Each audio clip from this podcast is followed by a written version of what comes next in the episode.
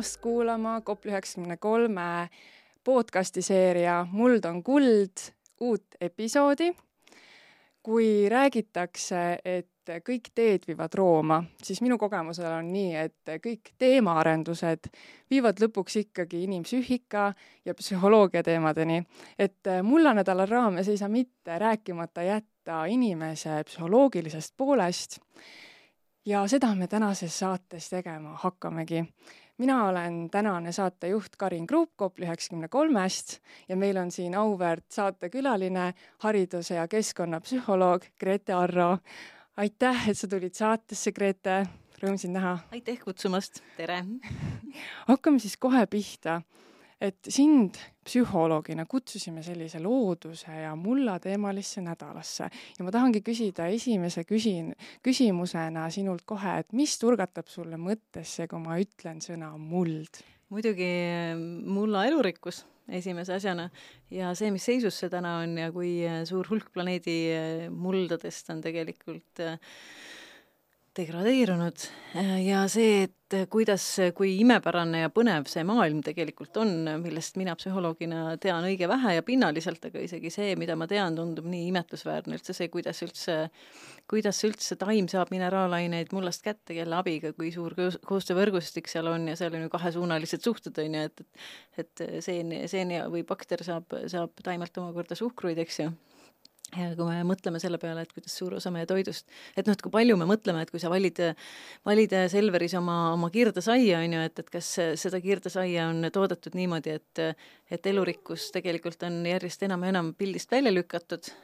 näiteks siis mineraalväetiste abil, et ehk siis ei ole taime abimehi seal mullas enam vaja, mingu otsigu endale uus elu Äh, järg ja, ja et, et, et taim saab siis osmoosiga nagu selle mineraali otse kätte. Ja mida enam me seda siis teeme, on ju, ja oma igapäevasest tarbimise otsusest tegelikult nagu mulla elurikkust äh, lõhkuvaid valikuid, ise seda teadmata, et seda hullema katastroofi sisse me iseennast juhatame.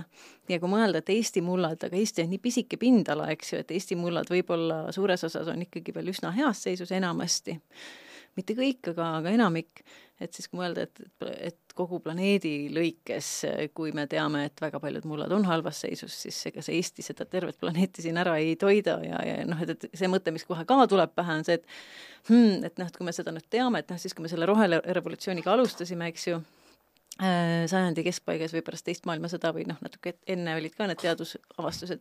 et siis tegelikult me ei tundnud mulla elurikkust nii, me ei tunne ju praegugi. me teame lihtsalt, et ühes teelusikatäies on, on tohutu hulk olevusi, on ju, ja me ei ole seda noh, seeni ju kõiki veel ära kirjeldanud, eks ju, et seda on nii palju, aga et äh, siis, kui me alustasime seda tehnouuendust põllumajanduses, me tegelikult ei tundnud. Nüüd, kas me tunneme, on ju, nüüd kõige mõistlikum oleks noh, seda pidurdada, kõige mõistlikum oleks teha nii, et äh, toidu tootmise äh, toetussüsteemid oleksid elurikkuse põhised, ehk siis mida elurikkam on su põld või, või ala, kus sa seda toitu toodad, et seda rohkem sa saad toetust. Ja meil on ju tegelikult, noh, ei ole selle pinnalt, on ju, on ju noh, kas või vilja tootmine, eks ju.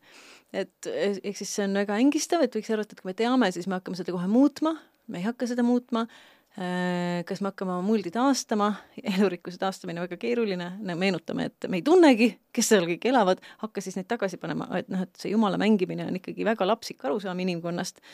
et, et me tõesti arvame, et me suudame taastada midagi, mis on miljardite aastate jooksul kujunenud, noh, andke andeks. Et see on ikkagi noh, et, et see ikkagi näitab, kui vähe me aru saame sellest, kus me elame ja tänu millele me üldse sööme. et ma ei tea, see oli, see, need olid esimesed mõtted, kui sa nüüd küsid aitäh, see oli väga lausa kokkuvõtlik. kindlasti, et erinevates Mulla nädala episoodides me lahkamegi muldade erinevate tahkudelt, et, et sina oma esimeste mõtetega, tead, võtsid väga hästi kokku päris paljud need tahud, mida me siin lahkame. aga ma lähekski kohe süvitsi selle inimese psühholoogia juurde, et kui me räägime, et äh, loodus ja muld, mis on siis kogu selle looduse alustala, mis äh, pakub meile tasuta ökosüsteemi teenuseid, me saame puhast õhku, puhast vett, muld võimaldab meil kasvatada toitu ja nii edasi, aga kas inimese psüühikale, vaimule on ka kuidagi seda mulda vaja? jube hea küsimus ja ma veel laiendaksin seda, et kogu elu, noh, ta ütleb mullale, aga elu selle mullaga ju tegi, on ju. et kui mõelda, et kuidas see muld üldse tekib, on ju, et kui et kui, kuidas see suksessioonirida algab pihta, on ju, et kui oletame, et maa tekib, noh, mingi saar võib olla vulkaaniline, alguses seal ei ole, noh, kes sinna kõigepealt lähevad, eks ju, et kes hakkavad seal seda kivimit murendama ja sinna seda huumusekihti tegelikult tekitama, et ühelt poolt on jah, et, et me toetume sellele, tegelikult see elu ju toob, toodab seda mulda vastastikku ja ja lihtsalt üks põige, mis mulle just meeldib ja mis puudutab metsa, et Anneli Palu on väga mõnusalt kirjutanud seda, et, et see tänane nii-öelda metsa noh, mida me sealt siis nagu toorainena saame, et osad näevad metsa tooraineallikana, et see tugineb tegelikult sellele, et metsamuld on saanud tekkida, et seal on saanud olla rahulikult ilma majandamata see, noh, et meil on nagu tunne, et aga see muld, noh, selle kihi, mis seal on, selle noh, ma ei tea, jumal pani äkki samas paksuses, on ju. et eks siis see on nagu nii keerukas. aga psühholoogiliselt tõesti on uuritud, et ma ei tea, et kui te nüüd kõik meenutate, kas te olete kunagi mõnda kurba aednikku näinud et aednik on hästi rõõmus hästi rõõmus on perre vahel ja, ja, ja et ta on isegi nagu võib-olla heas mõttes egoist, on ju, et ta on, tal on kogu aeg nii hea olla, sest ta tegeleb maailma kõige parema asjaga. Ja tõesti on leitud, mul ei tule selle bakteri nimi meelde, on üks bakter, kes elab mullas, et kui sa ikkagi paljakesi mullas songerdad, noh, mullas võib olla ka asju, mis võib-olla pole kõik alati kasulikud, aga et üks bakter on küll, mis ja kuidas teada saadi, et ta aitab depressiooni vastu, nad tegelikult üritasid vist ravi, otsida kas vähiravimit, kui ma õigesti mäletan, teadlased katsetasid ühe bakteriga ja vähk ära ei läinud, aga inimesed läksid rõõmsamaks wow. saati aru, et oo oh,, et tal on selline mõju. et tegelikult äh, selline näppupidi mullas olemine just, et noh, et, et me jumala eest ei pea ennast äh, kummikinnastega sellest ära isoleerima tegelikult on äh, ikkagi tõendatult juba selles mõttes hästi kasulik inimesele, et muld, muld on äh, vaimsele tervisele nagu ravim äh,. et ja, ja muidugi kõik need muud asjad ka, et mul on hästi ilusasti on öelnud üks tuttav, kes on ise aia, ka aiandipidaja, ütles, et, et noh, et ka sellisest väga suurtest löökidest aitab see töö üle saada, et et kui sa näed kogu aeg pungasid, et see pungajõud kuidagi annab sulle jõudu. et, et ma arvan, et seal on muud asjad ka, et lisaks sellele bakterile, et, et noh, et me teame, et igasugune loodusega või taimedega või noh, ütleme igasugu, noh, ütleme mis iganes vormis loodusega tegelemine tegelikult psüühikale on hästi hea. et et või selle looduse keskel olemine, eeldusel, et see ei ole mingi selline noh, päris ma ei tea, Hispaanias selline sub-, substraadi sees kasvav tomati või väli et kuidagi päriselt kas aed või, või oma põld, et siis, siis see, kuidas ta mõjutab ka meie noh, loodus nagu meie täidesaatvaid funktsioone, ehk siis seda ajuosa, mis teeb meist kõige rohkem inimese äh, ja võimaldab meil keskenduda, õppida, ennast pidurdada, oma vaatenurki vahetada ja nii edasi, et need eesmise ja otsmikusagara funktsioonid tegelikult on näidatud olevat looduses viibides äh, nii-öelda kõige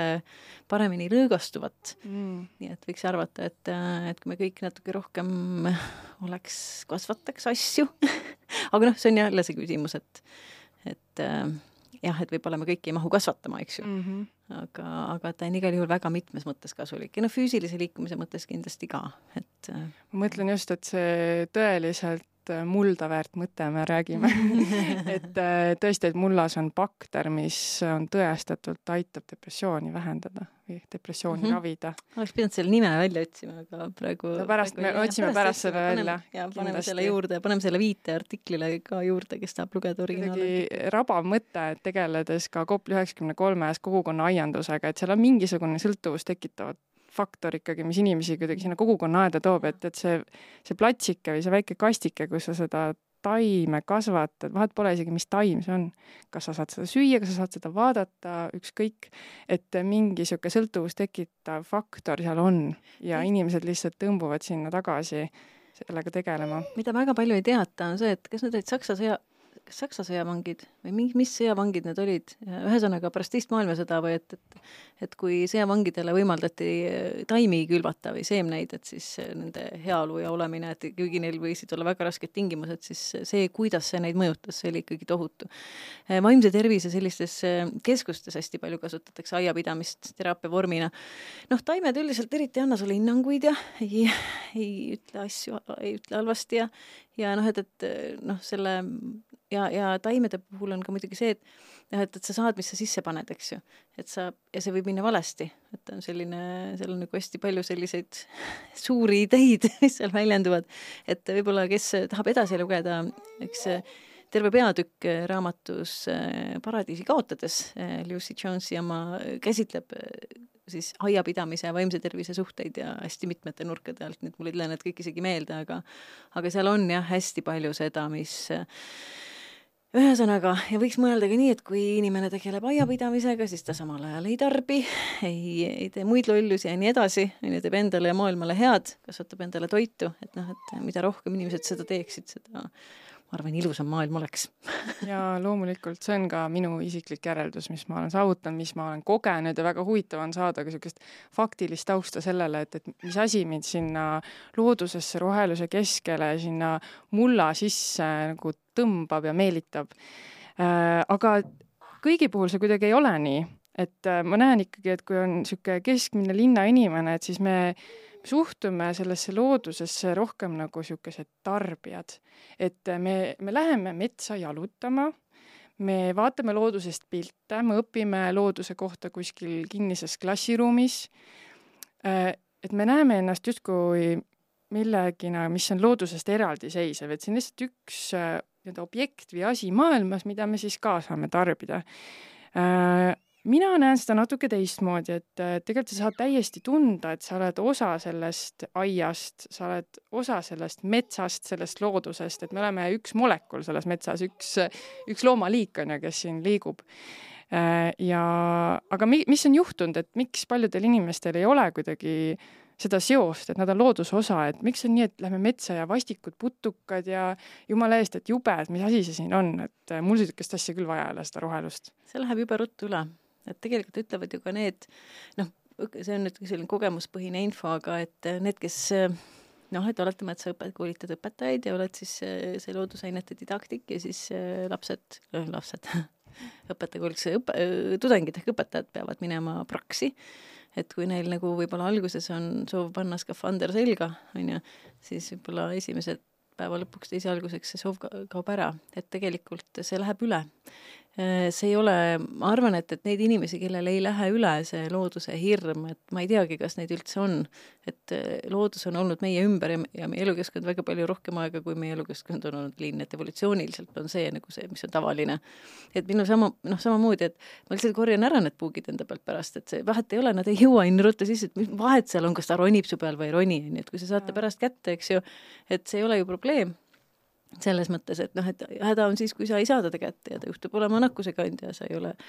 ja see on juhtumisi see, mida sa ei saa, aga noh, jah. ja puugid on selline... puugid on tõeliselt hästi-hästi hea teema, see on üks, just, et kui tuleb siis keegi tee peale, et noh, mina olen niisugune linnainimene ja ma ei tea, noh, et noh, veits vaatad nagu käid ringi seal loodusega, aga ei tea, aitab, et siin äh, betoondžunglis on kuidagi palju turvalisem ja puugid on see üks asi, vaata, et kui sa ütled, et loodus on turvaline, siis kõik ütlevad ei, ei, aga Samas... puugid, aga inimestel ei ole lihtsalt ju seda kogemust, et kuidas, et kuidas need puugid ja. nagu loomana käituvad, et minul on sama, et, et ma püherdan seal heina sees, aga ma leian kõik puugid üles, üles alati, ma täpselt okay. tean, kuhu nad ja. lähevad, mis nad teevad, kuidas nad liiguvad, et et väga turvaline on olla nii, et ma tean ja. täpselt, kuidas nende liikidega arvestada. absoluutselt, ja isegi kui juhtub äh, haigestumine, siis tegelikult noh, kui sa märkad ja sekkud, siis see ei ole ka lõpuks maailma lõpp, eks ju. selles mõttes on õige küll, et, et see on hästi ohtlik trend, et on ju maailmas osi, enamus Euroopas, kus loodust enam ei ole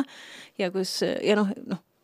mitte ainult Euroopas, eks ju, et kus inimese igapäevases elukeskkonnas looduse kogemise võimalust ei ole ja väga raske on tunda seda, mida sa pole näinud, väga raske on armastada seda, mida sa ei tunne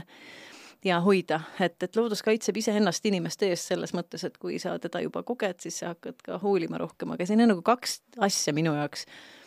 Noh, nagu sa alustasid sellest jah, et me näeme loodust teenusepakkujana, paku meile iluteenust, noh nagu kino on ju, tee meile, tee meiega asju, tee meid korda,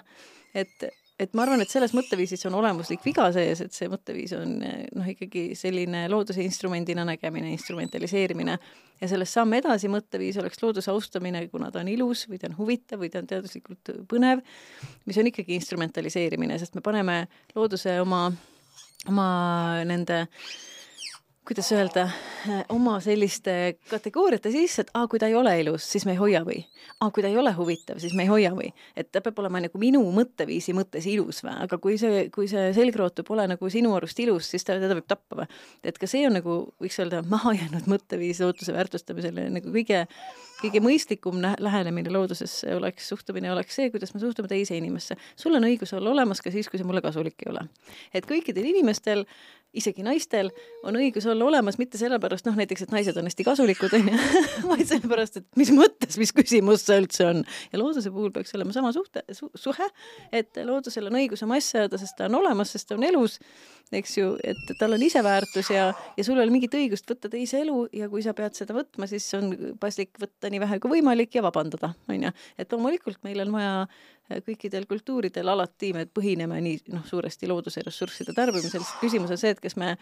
kas me vihaga ja sihiteadlikult seda suvaliselt hävitame või täiesti hoolimatult hävitame või ise, või me üritame seda nii hoidlikult sellega ringi käia kui võimalik, et siin on väga suur mõtteviisi erinevus ja iga kord, kui me seda hävitame, et siis me saame tegelikult aru, et me seda teeme. ja me saame aru, et tegelikult loodusel endal oli teine plaan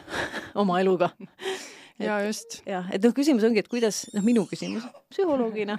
on see, et kuidas seda mõtteviisi äh, tegelikult toetada, et miks see osadel inimestel on ja enamikel ei ole ja ma arvan, et seda peaks uurima seda pole uuritud. ja kõigile kuulajatele, kellele pakub huvi, et mis huvitavad looduslikud helid meil siin taustas on, et siis meil on stuudios ka üks delfiin, see on delfiini vile. Stuudios on üks äh, väike laps, kes tahab ka hirmsasti vahepeal sõna sekka öelda, sest et see teema tegelikult kütab kirgi meil kõigil, me oleme sellest juba aru saanud, et siis te teate, et meil on täna stuudios niisugune väga põnevust pakkuv element. jaa, neljakuune, nelja poole kuune. Igatahes minnes just edasi, nagu sa juba mainisid, ka niisugust ekspluateerimise punkti, et äh, mind, noh, kui ma räägin kellegiga sellest, et, äh, et noh, et me oleme niisuguses ummikus ja vaata, mis me kõik loodusele teeme ja et muudkui aga tarbime, üle ekspluateerime neid ressursse nii, et vaata, et ei jätku tulevastele põlvedele, ei jätku ka neil inimestel, kes juba praegu meil siin planeedil elavad et äh, öeldaksegi nii, et noh, et aga see ongi ju, see on ju iga liigi saatus, et palju need nii kaua, kuni ressursse jagub ja siis sured välja, et noh, et mis me siin ikka midagi teha saame ja ja meie loomuses ongi selline, et noh, ahnitseda ja et ja üldse, et noh, et ega me peame ju õnnelikuks saama, et me pea, peamegi ju tarbima seda, et lääne ühiskond on meile näidanud, et noh, lõpuks saabub õnn ja edu ja kõik armastus sinu õuele, kui me ennast niimoodi täis puhitame ja kõiki asju muudkui aga osta ja tarbida saame et äh, mis on sinu seisukoht? juba Epikuurus ütles, et see on üks jama. et noh, et äh, noh, ma ei tea, kui paljud inimesed tunnevad, et hästi täissöönud kõht, et siis on sul hästi hea olla täissöönud või täisjoonud et kas siis on nagu hästi hea olla, et tegelikult äh, hea on olla siis, kui sul on nagu ikkagi, kui sa oled mingeid asju nagu suutnud õigel ajal piiri panna peale. et aga teine asi on see, et mis asi on elus, mis, kes on elus, kuidas sina elu defineeriksid, meil ei ole aega kuulajatelt küsida, kuidas nad elu defineerivad e. hästi palju ebatäielikke definitsioone on, aga põhimõtteliselt elus organism on see, kes suudab ennetada tulevast keskkonnamuutust. mitte see, kes olevat keskkonnamuutust suudab ennetada, vaid tulevast, ehk siis sa näiteks, kui sa saad aru, ahah, talv tuleb, kogud endale mingeid pähkleid kuhugi koopasse või et oled puu, on ju, talv päev läheb lühemaks, muudan, viin vee välja kudedest, muidu lähen lõhki, eks ju. et ta ennetab seda, mis tuleb ja inimkond, kas inimkond on elus või mitte sellele, selle definitsiooni järgi, et kipub sinnapoole, et inimkond ei ole elus, sest ta ei suuda tule, ennetada tulevast keskkonnamuutust. et see mõte, et ah, sureme siis välja, on ikkagi väga rumal mõte, et tegelikult mitte keegi ei taha, ei noh, võime välja surra, aga see, mis sellele eelneb, on hästi kole ja oleks üsna rumal teha nägu, et me tegelikult tahame seda. et kas me tahame elada mingisugused perioodid ilma turvalisuse, arstiabi, toidu ja, ja kõige muu selliseta, on ju, toimiva kanalisatsioonita, et noh, et tõstke käed, kes, kes arvavad, et see oleks just tore. teine asi on jah, see õnnelikkuse või see ahni, ahnitsemise teema, et et ei ole võimalik öelda, et psüühika on ühesugune, psüühika on sellekujuline, millises keskkonnas ta on ja nii, nii on lihtsalt. et enda ümber vaadates te näete inimesi, kes ei taha ahnitseda, kes võiksid äh, teha roppu raha, aga ei tee, nad teevad hoopis midagi muud, kunsti, teadust, aitavad teisi, on vabatahtlikud, ehkki nad võiksid olla sama, sama vaimse võimekusega ressurssidega võiksid nad elada väga rikast elu. küsimus on, et kas need inimesed siis, kas neid siis ei ole olemas, kuna kõik pidid ju ahned olema. et ei, et meil on individuaalne varieeruvus ja see tuleb millestki ja uuringud näitavad aina enam, et, et inimestel üks asi, mis inimestes tõesti varieerub ja inimesed kuuluvad eh, justkui kahte gruppi, noh, mis on hästi imelik, et psühholoogias tavaliselt niisuguseid dihhotoomiaid ei ole eriti. aga on üks asi, millest dihhotoomia tekib ja see on see, et kas nende elupüüdlused või see life aspirations, elupüüdlused, püüdlused või eesmärgid elus on pigem hedoonilised või pigem eudaimoonilised. ja küsimus ei ole selles, et kas mul on ainult ühte tüüpi või ainult teist tüüpi väärtused, küsimus on selles, et kummad natukene domineerivad, et inimestel alati, reeglina kõigil inimestel on mõlemat tüüpi püüdlusi. eudaimoonilised püüdlused tähendavad siis seda, et ma tahan nagu targemaks saada või areneda inimesena või onju, siis sinna alla kuulub see, et ma olen suunatud suhetele, et ma tahan häid suhteid, peresuhteid, sõbrasuhteid, kogukonda, ma olen pigem see, kes ütleb, jee, teeme nagu mingi pannkoogiürituse onju. selmet, et aa, mis asja, ma teen tööd. et mul ei ole aega sõpradega kokku saada, ma teen tööd kogu aeg ja siis ma olen väsinud, et mul ei ole aega.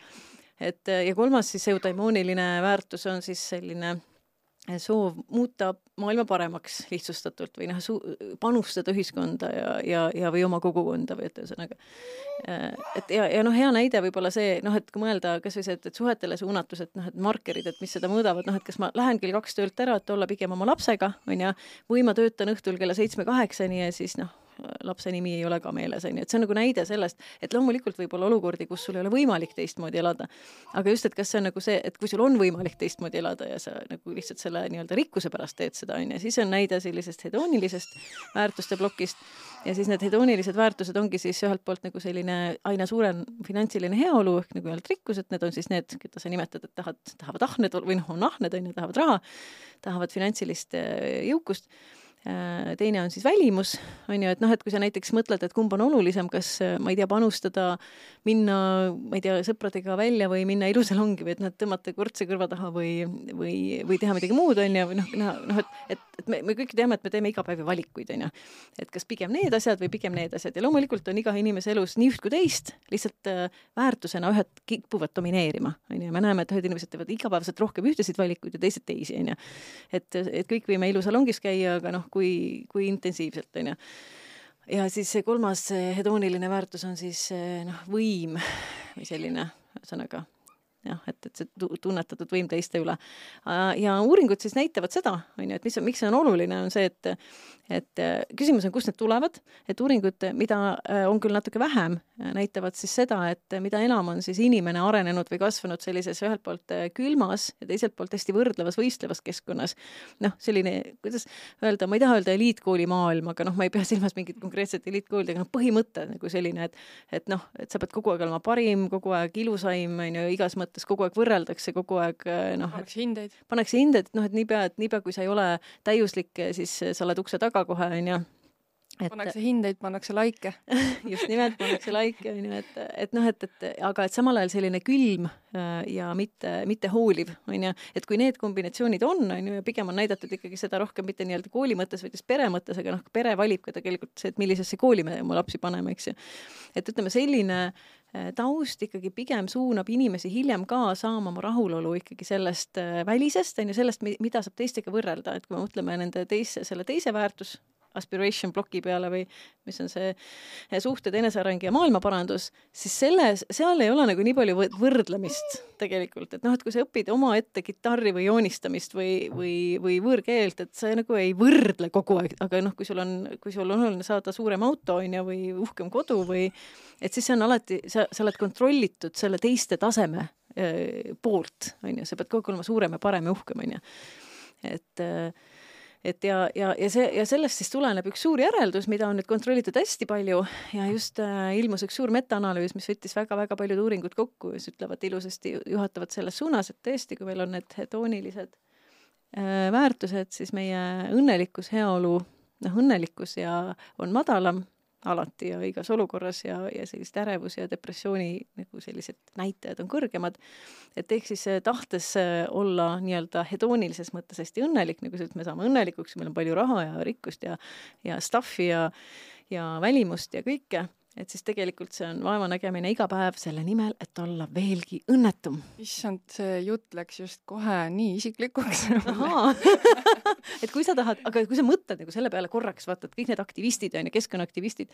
et kes aeg-ajalt põlevad läbi ja, ja tunnevad lootusetuse tunnet, et tegelikult neid võiks lohutada see, et mis iganes äh, on mis iganes madalseis on, tegelikult päeva lõpuks elad sina ikkagi õnnelikumat elu just. kui need teised ma just mõtlen, et ma olen siin pead murdnud äh, noh, kogu oma noh, mitte nüüd nii tohutult pika eluga, ikkagi juba oma elu jooksul, et äh, ma mäletan ikka see viis, kuidas või see kultuur, mille keskel mina üles kasvasin, oli tohutult selline, ma ütlengi, materiaalne mm. -hmm. mul on omad niisugused naljasõnad ka kogu selle kultuuri kohta, mida ma see, siin ütlema ei hakka, kõik mu sõbrad teavad, saavad kaasa naerda, teavad, millest ma räägin. aga sisetunne alati ütles, et see pole kuidagi õige tee, et mind äh, kasvatati natukene teistmoodi ja ma näen, et, et olles ise olnud niisuguses väga materiaalses maailmavaates ümbritsetud selliste inimestega, et tegelikult see, see viis depressioonini, see viis ärevuseni ja tegelikult olles sealt välja tulnud ja avastanud hoopis mingi muu kultuuriruumi, mis allub palju rohkem minu niisugusele sisetundele, kus on natuke sügavamad väärtused, et minu elu mõte ei ole osta endale mingit uut ägedat vinget sportautot, vaid hoopis mingisugune muu väärtus, teha oma permakultuuri aeda ja äh, tugevdada, panustada oma kogukonda ma näen, et see kuidagi väga-väga sügavalt sisimas teeb palju õnnelikumaks. ja, ja teebki ja seda näitavad kõik uuringud. Ja mis on nagu huvitav, et miks meil on vaja selleks uuringuid, sest inimene ise ei, ei saa teha oma elus iseendaga katse- kontrollgruppi ja võrrelda, sest me ei saa elada kahte elu, muidugi saame elu muuta, et üks võib tulla nii-öelda ühest maailmast ja minna teise või ühest väärtus, noh, nii-öelda mingil põhjusel muuta oma väärtusi, me näeme, et inimesed seda ka teevad,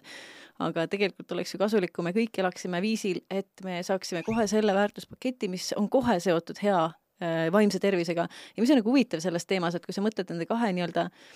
väärtus- või, või püüdluspaketi peale, siis äh, kui mõelda, et maailm hakkab väga kõvasti muutuma, mingid süsteemid hakkavad kollapseeruma, et kumb sulle tegelikult annab pikaajalise edu, kas see, et sul on haridus, kui sul on teadmised, ükskõik mis teadmised sul reaalteadus, teadmisi, reaalalade teadmisi läheb vaja, sest sa pead ühel hetkel hakkama jälle ratast leiutama, veel enam võib vaja minna oskust äh, kui enam ei ole lõbustusasutusi, rääkida lugusid, mängida teatrit, laulda, lohutada, äh, mängida pilli, onju. et ma arvan, et võib-olla kaunid kunstid on need, mida ja need, kes oskavad neid teistele edasi anda, võivad muutuda, noh, et sageli öeldakse, et ah, kunstiinimesed, noh, seda pole tegelikult vaja kellelegi ja noh, õpitasin enda jaoks, aga mõelge kui elekter ära läheb, on ju, mis me siis teeme, noh, siis me peame ise tantsida ja laulma ja kui mõelda, et noh, et seesama sinu näide, et noh, et millele vanemad annavad nagu hoogu, kes sellele, et sul oleks see materiaalne asi, on ju, mida koi rikub ja ja roost, koi ja rooste rikuvad, on ju või teadmised, on ju, suhted, on ju, sõbrad, mis, kui kõik kollapseerub, ainult see, kui kena inimene sa oled, hoiab sind elus, kui palju sul sõpru on, kui head suhted sul perekonnaga on, kui palju abikäsi, kas sa suudad kogukonda ehitada. Ja, ja pluss see maailmaparandus, et noh, et mida paremaks sa oled selle maailma parandanud, seda väiksem see kollaps tõenäoliselt on, eks ju. et kui mõelda, et igas mõttes on meil vaja rohkem teadmisi ja suhteid. Ja noh, et uuringud näitavad ka seda, on siis vaadatud, et kui võrreldakse neid ühe ja teise väärtus paketiga inimesi, et loomulikult siis seal nende eudaimooniliste väärtustega inimestel on väiksem ökoloogiline jalajälg alati. aga mõtle, et kui terve planeet oleks selline, et ma saan aru, et see kõlab hästi nagu äh, utoopiliselt äh,, aga, aga et äh,, et ma tahan öelda seda, et, et need, millised meie väärtused on, ei ole seotud kuidagi, need ei ole meile nagu sisse kasv- äh,, sisse sü-, kaasa sündinud, vaid need on meile kaasa kasvatatud ja, ja et me saame kasvatada tõesti oma lapsed rohkem õnnetuks, depressiivseks ja, ja ärevaks, et aga miks miks me peaks? no tõesti, ma arvan, et äh, lõpuks on hästi vajalik, et tegelikult, et me vähemalt loome kõigile meile vabaduse valida siis need väärtused, mida me otsustame, et kui noh, on, sa ei saa oma vanemaid valida, et nemad kasvasid üles teistsuguses maailmas. Äh, vahel sa ei saa valida oma klassikaaslasi, sa ei saa valida võib-olla teinekord oma kolleegegi, on ju, et seda väärtuste ruumi, aga aga noh, see ongi ka selle saate mõte just, et, et öelda kõigile neile, et tegelikult on olemas teistsugusemad, sügavamad väärtused, mis tegelikult teie õnne, teie püsivasse heaolusse ja tegelikult ka teie niisugusesse vastupidavusse sellise, sellises kriiside maailmas, mis ei ole ainult kliimakriis, ainult ökoloogiline kriis, vaid kõik pandeemiad, sõjad, kõik, kõik muud asjad, see, et sul on see vaimne paindlikkus tegelikult kohastuda ja, ja ongi see, et kui sa enam selle, noh, päriselt, mul on inimesi, kellel, ma arvan, juhtuks väga suur tragöödia elus, kui autodega enam sõita ei saaks. autod on mingil põhjusel meie ühiskonnas kuidagi väga-väga suur oluline teema et, et see võib mõjutada või mõjuda justkui neile inimestele nagu laastavalt, et mu elust võetakse kõik ära, nagu kõik võetakse ära, kui enam autodega lõbutseda ei saaks.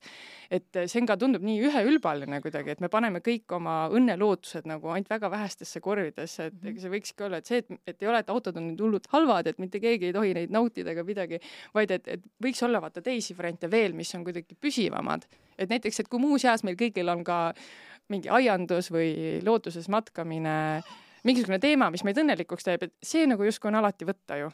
absoluutselt ja noh, et ongi, et mis on nagu minu hobi on ju, mina kaks tuhat kuusteist tegin viimase nagu, nagu lõbureisi, et ma läksin äh, süsinikuheitme pärast lihtsalt nagu mõtlesin, et kuida-, kas saab elada nii, et ma ei reisi, mulle väga meeldis teised, noh väga, noh loomulikult meil kõigil meeldivad teised kultuurid ja mulle meeldis avastada Ladina-Ameerikat, aga ainult kaks korda ma seal siis nagu käisingi, et enne kui ma sain aru, et ma tegelikult ei taha seni äh, reisida, kuni see enam ei jäta suurt süsiniku jalajälge, võib-olla see ei tule enam kunagi minu elu jooksul, eluea jooksul või noh, ei tulegi enam, aga et jah, ma reisin siis kui töö pärast või noh, mingi selline, selline vajadus on, aga siis ma ka alati üritan, üritan teistmoodi läbi saada et aga et äh, ja siis ma olen mõelnud, et mis on see, mida noh, mida sa saad oma hingele muidu pakkuda, on ju, et ja tegelikult on, on, on seda nii palju, et minu jaoks ongi see hobi on see, et, et määrata taime, on ju, et, et sa võid istuda ühel kraavipervel mingi pisikese lapi juures ja sa võid olla tunde lihtsalt õnnelik ja sa ei saa kunagi sellest lõpuni aru, sest sa seal noh, et see on, see on ammendamatu, see on ammendamatu. reis, reis on reis, just nimelt. Ja see on reis mitte nagu kaugele, vaid see on reis sügavuti. Ja loomulikult ei suudaks ma aru saada nagu karvavõrdki oma elu jooksul sellest või noh, tervikust on ju, et okei okay,, ma suudan võib-olla roht-, noh, taimi määrata, eks ju ja võib-olla ma suudan natuke putukaid määrata ja neist aru saada ja võib-olla ma tunnen linnud lõpuks ära, aga, aga, aga seal on nii palju seda, mis on nähtamatu, eks ju, silmale. ja siis ongi, et, et noh, et aga et noh, mis mida mõtled, vaata, kui sa tood need autoinimesi näiteks, et tegelikult on nagu kurb või kui sa näiteks mõtled inimesi, kes defineerivad end läbi välimuse. mina kahtlustan, et vähemalt osa neist, kui mitte enamik, on saanud teatud vanuses pidevalt seda tagasisidet, et füüsikut sinust küll ei ole bioloogi sinust küll ei ole, mm. seda teist-kolmandat sinust küll ei ole, et nad on saanud kogu aeg tagasisidet, et ära, ära teegi, noh, ära midagi muud teegi, on ju, et see on nagu ainuke umbes. ja, ja et, et sa oled äh, täiesti mõttetu äh, akadeemilistes valdkondades, ehk siis seda, et luua seda kompetentsuse tunnet õpilasele läbi teatud tüüpi kujundatud õpikeskkonna, kus ei toimu mitte kiiruse peale pseudosooritamine, vaid sügav öö, äh, õpilaste nii-öelda mõtlemise arendamine on ju, mis käib, mille puhul tuleks enam-vähem väga palju asju, mis täna hariduses on, ikkagi sealt nagu ära kakkuda pealt, on ju et saaks toimuda sügav teadmiste omandamine, need inimesed leiaksid üles, kohtudes kõikide valdkondadega, mida näiteks haridus või, või maailm saab neile pakkuda, leiaksid üles, mis on see asi, mis on nende asi, ja samas saades hakkama ka kõigi teiste asjadega, mis ei ole otseselt nende nii-öelda hingeasi. et ja vot siis nad leiaksid üles sageli ka selle viisi, kuidas no nii-öelda pakkuda iseenda hingele seda põnevat asja, ilma et see oleks nagu see tarbimise väljund, on ju. et nad ei ole leidnud iseennast üles maailma põnevuses, on ju, ja maailma põnevuse suhtes. ja see võib olla nii, nii see põnevus ehk siis see teaduspool, see võib olla kunst, see võib olla mingi sotsiaalne valdkond, on ju, mingisuguse mingi nii-öelda sotsiaalvaldkonna tege-, teema uurimine, mis iganes see on, see võib olla mingisuguse asja ehitamine, eks ju. variante on hästi palju ja, ja ma mõtlen, et neil ei ole seda. ja ainuke, mida me saame, vaata, kui sa näiteks, kui sulle justkui öeldakse iga päev vaikimisi, et noh, sa oled, püüa vähem mõelda ja ja ole pigem vait, sa oled ju naine ja nii edasi. et ainuke, üks asi, mida saab, saab see noor, kust see noor saab seda kompetentsust saada, on näiteks siis iseenda kaunistamine iseennast sa saad alati teha ilusamaks, onju. ja tegeleda ainult sellega, et sul, sa pole mitte miski muu kui sinu ja välimus ja fassaad. mõtlengi, et tegelikult äh, väga hea alati välja näha on tegelikult ka tohutu investeering, et tegelikult sa lõpuks äh, harid ennast ka, ka valdkonnas eksperdiks, aga nüüd ongi see, et, et meil on tohutu kapitalistlik Äh, nii-öelda turunduskampaania, mis meid kogu aeg ümbritseb, mis meid selle poole tõmbab, et tegelikult on reaalselt see, et, et äh, nii-öelda tavalise kodanikuna sul on lihtne saada eksperdiks iluteemadel, sest see info ümbritseb sind lihtsalt igalt poolt. loomulikult on seda mhm. lihtsam õppida või ära õppida mhm. või tunda, tunda nagu ennast selles valdkonnas lootusrikkalt, sellepärast et seda infot on nii palju, see on tehtud nagu kõikvõimalikke võtteid kasutades, visualiseerides, mhm. õpetades niivõrd lihtsasti omastatavaks, et et ka kõik väga paljud teised teemad tunduvad nagu väga palju rohkem ambitsioonikamad, kuigi need tegelikult ei pruugi olla, lihtsalt ja, tegelikult on ka teada, et noh, et inimese õppimisvõime ei, ei erine, et kõik asjad on õpitavad, on ju, et, et noh, et õppimine, õppimise hea tulemus sõltub sellest, kas inimene kasutab õigeid õpistrateegiaid ja kas ta pingutab neid kasutades mõistlikus noh, piisaval määral, on ju. et pingutus on see, mis loob, et, et noh, et ei ole olemas füüsika inimesi või matemaatika inimesi või keemia inimesi, on olemas lihtsalt inimesed ja kõik võiksid õppida ära mis iganes asja, on ju ja loomulikult kõik, kui ma selle lause ütlen, kõik hakkavad rääkima millegipärast balletist, ma ei tea, miks mm. sinu arust kõik maailma inimesed ei pea saama baleriinideks, on ju, et jah, et okei okay,, sul võib olla mingi asi, mingi asi noh, mitte et pole, pole, baleriiniks saamine mingi tervislik asi oleks tingimata, aga, aga et noh, et jah, et sul võib olla tõesti mingeid asju, mida peab väga vara alustama ja nii edasi, aga see ei puutu asjasse, point on selles, et on tuhandeid valdkondi, mis, kus sa võiksid oma aju rakendada, on ju, aga et, et lihtsalt, et, et lapsed ei ole süüdi, noored ei ole süüdi selles, et neilt on ära võetud julgus olla mingis muus valdkonnas või, või usk iseendasse olla mingis muus valdkonnas pädev ja see on hästi kurb, et nad, et, et, noh, et, et, et põhju, et noh, et nemad ei ole ise süüdi, et nad on hakanud ennast läbi autode või välimuse või ma ei tea, mille defineerima, sest, sest muud asjad on kuidagi noh, ei ole nagu tehtud nende jaoks nagu kättesaadavaks enese defineerimise võimaluseks. aga mis siis mu-, juhtuks või mis muutuks näiteks, kui me suunaks kõik inimesed, eelkõige ka lapsed, need arenevad organismid äh, niimoodi, et nad, neil oleks ka kõigil võimalus näpud mulda pista ja saada nii-öelda osaks loodusest äh,. mis muutuse see kaasa tooks? tahaks teada küll seda võiks proovida, et näiteks uuringud on näidanud seda, et kui sul, et kui on lapsed kasvanud rohkem siis looduslikus keskkonnas, siis see puhverdab nende ühesõnaga, ta on paremini kaitstud sellise teismeea nagu ütleme, meeleoluprobleemide vastu. et, et see on nagu, seda on nagu ilusasti näidatud, samuti on näidatud, et nende mikrobioome, et uuriti, uuriti näiteks Ameerikas neid, neid erinevaid nii amisheid kui siis neid ühte-teist, kas mormoone või, ühtedel neist on väiksed kodused nagu maatüüpi laudad või niisugused, on ju, teistel on, teised on läinud suurfarminduse teed. ja need, kellel on siis need maa, nii-öelda maalaudad, vanakooli laudad, et nende mikrobioom ja tervis on tunduvalt parem, on ju, kui nendel, kes siis siis kasvasid, mõlemad kesk-, kasvasid nii-öelda sellises agraar nagu ühiskonnas, eks ju, mitte linnas, aga et need, kes päriselt said eh, olla laudas, tallis nende tervis on parem et, et jah, et mul on tunne, et noh, et, et noh, loomad üldse on, on ju hästi suur tervisetegur, hobused on ju, lambad, aga et, et noh, et, et vaimse tervise mõttes, kui me räägime täidesaatvatest funktsioonidest, siis need katsetused metsalasteaedadega ütlevad, et see laste eneseregulatsiooni võime on parem, samas näitavad uuringud ka seda, et kui lapsed kolivad linnalikumast keskkonnast looduslikumasse, siis eh, need nii-öelda tähelepanu ja, tähelepanu ja ja, ja sellised äh, keskendumisega seotud probleemid taanduvad, et mis ei tähenda, et nad lähevad sada protsenti ära, aga need sümptomid lähevad väiksemaks, et mida looduslikumas keskkonnas inimene elab ja need äh, probleemid on sageli üks põhitakistus õppimisel, eks ju. et, äh, et eks siis seal on nagu ähm, lõputu, mitte lõputud või nagu loendamatult selliseid häid elemente, eks ju et, et aga tõsi on jah see, et, et, et ma arvan, et siin on nagu hästi oluline hakata sellega vara peale, et noh, et hiljem on muidu see õpiprotsess on nagu raskem, et, et väga paljud vanemad ilmselt hirmuvad, nad ei ole ise loodusega kontaktis ja võib-olla hirmuvad ära, et kui laps kohe ei taha seal looduses olla. mina, mul oma lapsega ei ole ühtegi, ühtegi põhimõtet peale ühe ja see on see, et kogu aeg peab metsas käima. et ma olen, teen kahe ja poole kuu aastase, kahe ja poole kuu vanuselt saanud nagu noh, ütleme metsikus looduses, ma pean silmas nagu käia mit, mitte päris iga päev, kui ma linnas olen, aga ma katsun olla hästi palju maal, et siis nagu iga päev olla kogu aeg, kogu aeg võsas, et see on minu ainuke põhimõte. Oleks siis äh, tegelikult linn ka natuke rohelisem, oleks vast kõigil natukene kergem seda looduslikku kontakti pakkuda. et ja ma ar-, ja linnas võiks olla ka seda ikkagi seda noh, ütleme kureeritud, kureerimata ikkagi päris elurikkust, et, et ma räägin ikkagi siin sellisest noh, ikkagi noh, lamapuidust, võsa, võsa, lamapuit, lombid, veesilmad, põõsarinne, põõsarinde taimed, niidutaimed, noh et, et kui seda, kui igal haljasalal, mõtle, kui oleks vaata niisugune reeglistik, on ju, et sa oled linnavalitsuse ametnik ja sul on kõik rohealad ja sul peaks olema nagu need boksid, on ju, mida sa tikid, on ju et kõikide nende, et noh, et sul oleks kõik need elemendid olemas, et sul jah, et mõtle, kui tore, kui oleks selline reeglistik. jaa, no eks see on ka niisugune kultuuriline perspektiiv, et mm -hmm. paljud ütleks, et kole on ju, et mingi porilamp siin tead, aga ja mõtle, kuidas ja tegelikult inimese iluideaalid ju muutuvad, on ju, et niipea, kui sa näed seal elurikkust, sa näed, et see lomp seda tundma ja see lomp on seal selleks, et, et kimalased juua saaks, on ju, palaval põuasel päeval või siilid, on ju, et võsa on seal selleks, et seal oleks võib-olla põõsarinde taimi või põõsarinde lindu, linde, eks ju, et see pole võsa, vaid need on põõsad näiteks, on ju, või et, et, et sa saad aru, et selles lamapuidus on tohutu elu, keda saab ka võib-olla natukene uurida, eks ju, et seal on samblaid, samblikke ja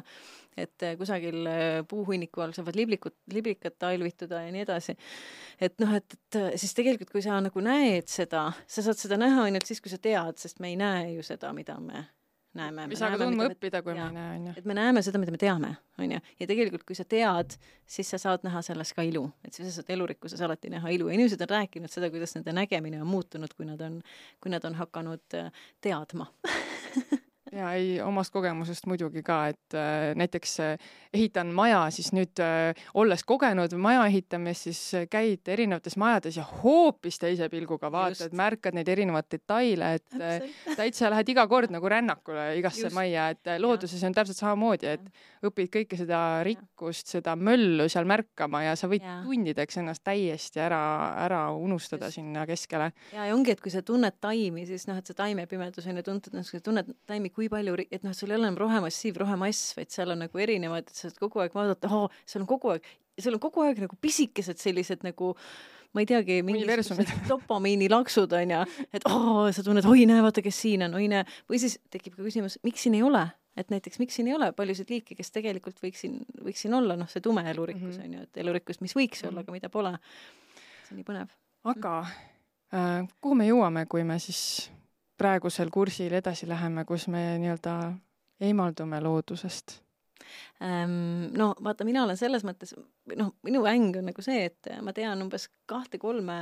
head psühholoogiateooriat, mis ütlevad, et lootus on olemas, et tegelikult inimkond, esiteks, aa, me teame, et on võimeline need keerukad asjad, neid nägema õppima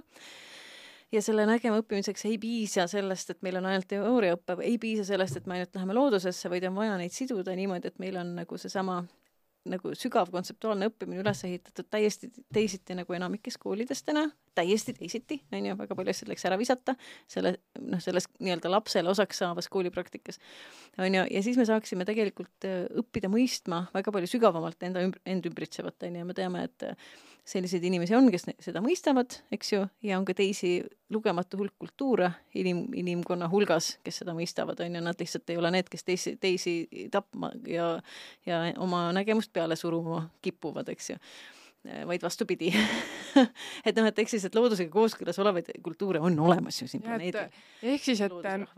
meil on potentsiaal olla nii-öelda, nagu sa alguses tõid välja, et me ei ole elav organism isegi enam, et me justkui ei mm, -hmm. aktiivselt ei kohane tuleviku keskkonnaga. vähemalt mitte meie eluviisiga inimesed, on ju. aga meil on potentsiaali üles ärgata, ellu ärgata sõna otseses mõttes, et hakata siis ikkagi kohanema. jaa, et ma mõtlen, et kui me näiteks täna võtaksime, just ehm, tulin ühelt ürituselt, mille lõpus meil oli see, nagu kellegiga arutasime, et kui täna kõik ehm, maailma helgemad pead võtaks oma eesmärgiks noh, õppida elama niimoodi, nagu näiteks loodusrahvad, osad loodusrahvad suudavad elada oma keskkonnaga tasakaalus, mis ei tähenda seda, et me viskaksime ära kogu, kõik saavutused, mis meil on haridusest ja arstiabist alates, aga me saame väga palju seda eluviisi tegelikult kohandada ringi mõistlikumaks, visata sealt ära osa asju, mis tegelikult äh, praegu mm, on tekitanud olukorra, et äh, maataluvuspiirid on äh, viies aspektis üheksast ületatud, eks ju. Ja me oleme ohtlikus tsoonis, et üks tead-, üks teadmine nagu mis minul nagu psühholoogina on, on see, et me saame kõik õppida, kui me korraldaksime hariduse ringi, nii et me saaksime aru, mis toimub, ja teine teadmine tuleb sellest samast, millest me rääkisime, sest õnnelikkuse teooriast või motivatsiooniteooriast, et kui me ka selle õppekeskkonna kujundame nii, et inimestel päriselt on kogu aeg soe, kompetentne, autonoomne tunne, on ju, ühesõnaga, et, et, et neil on nende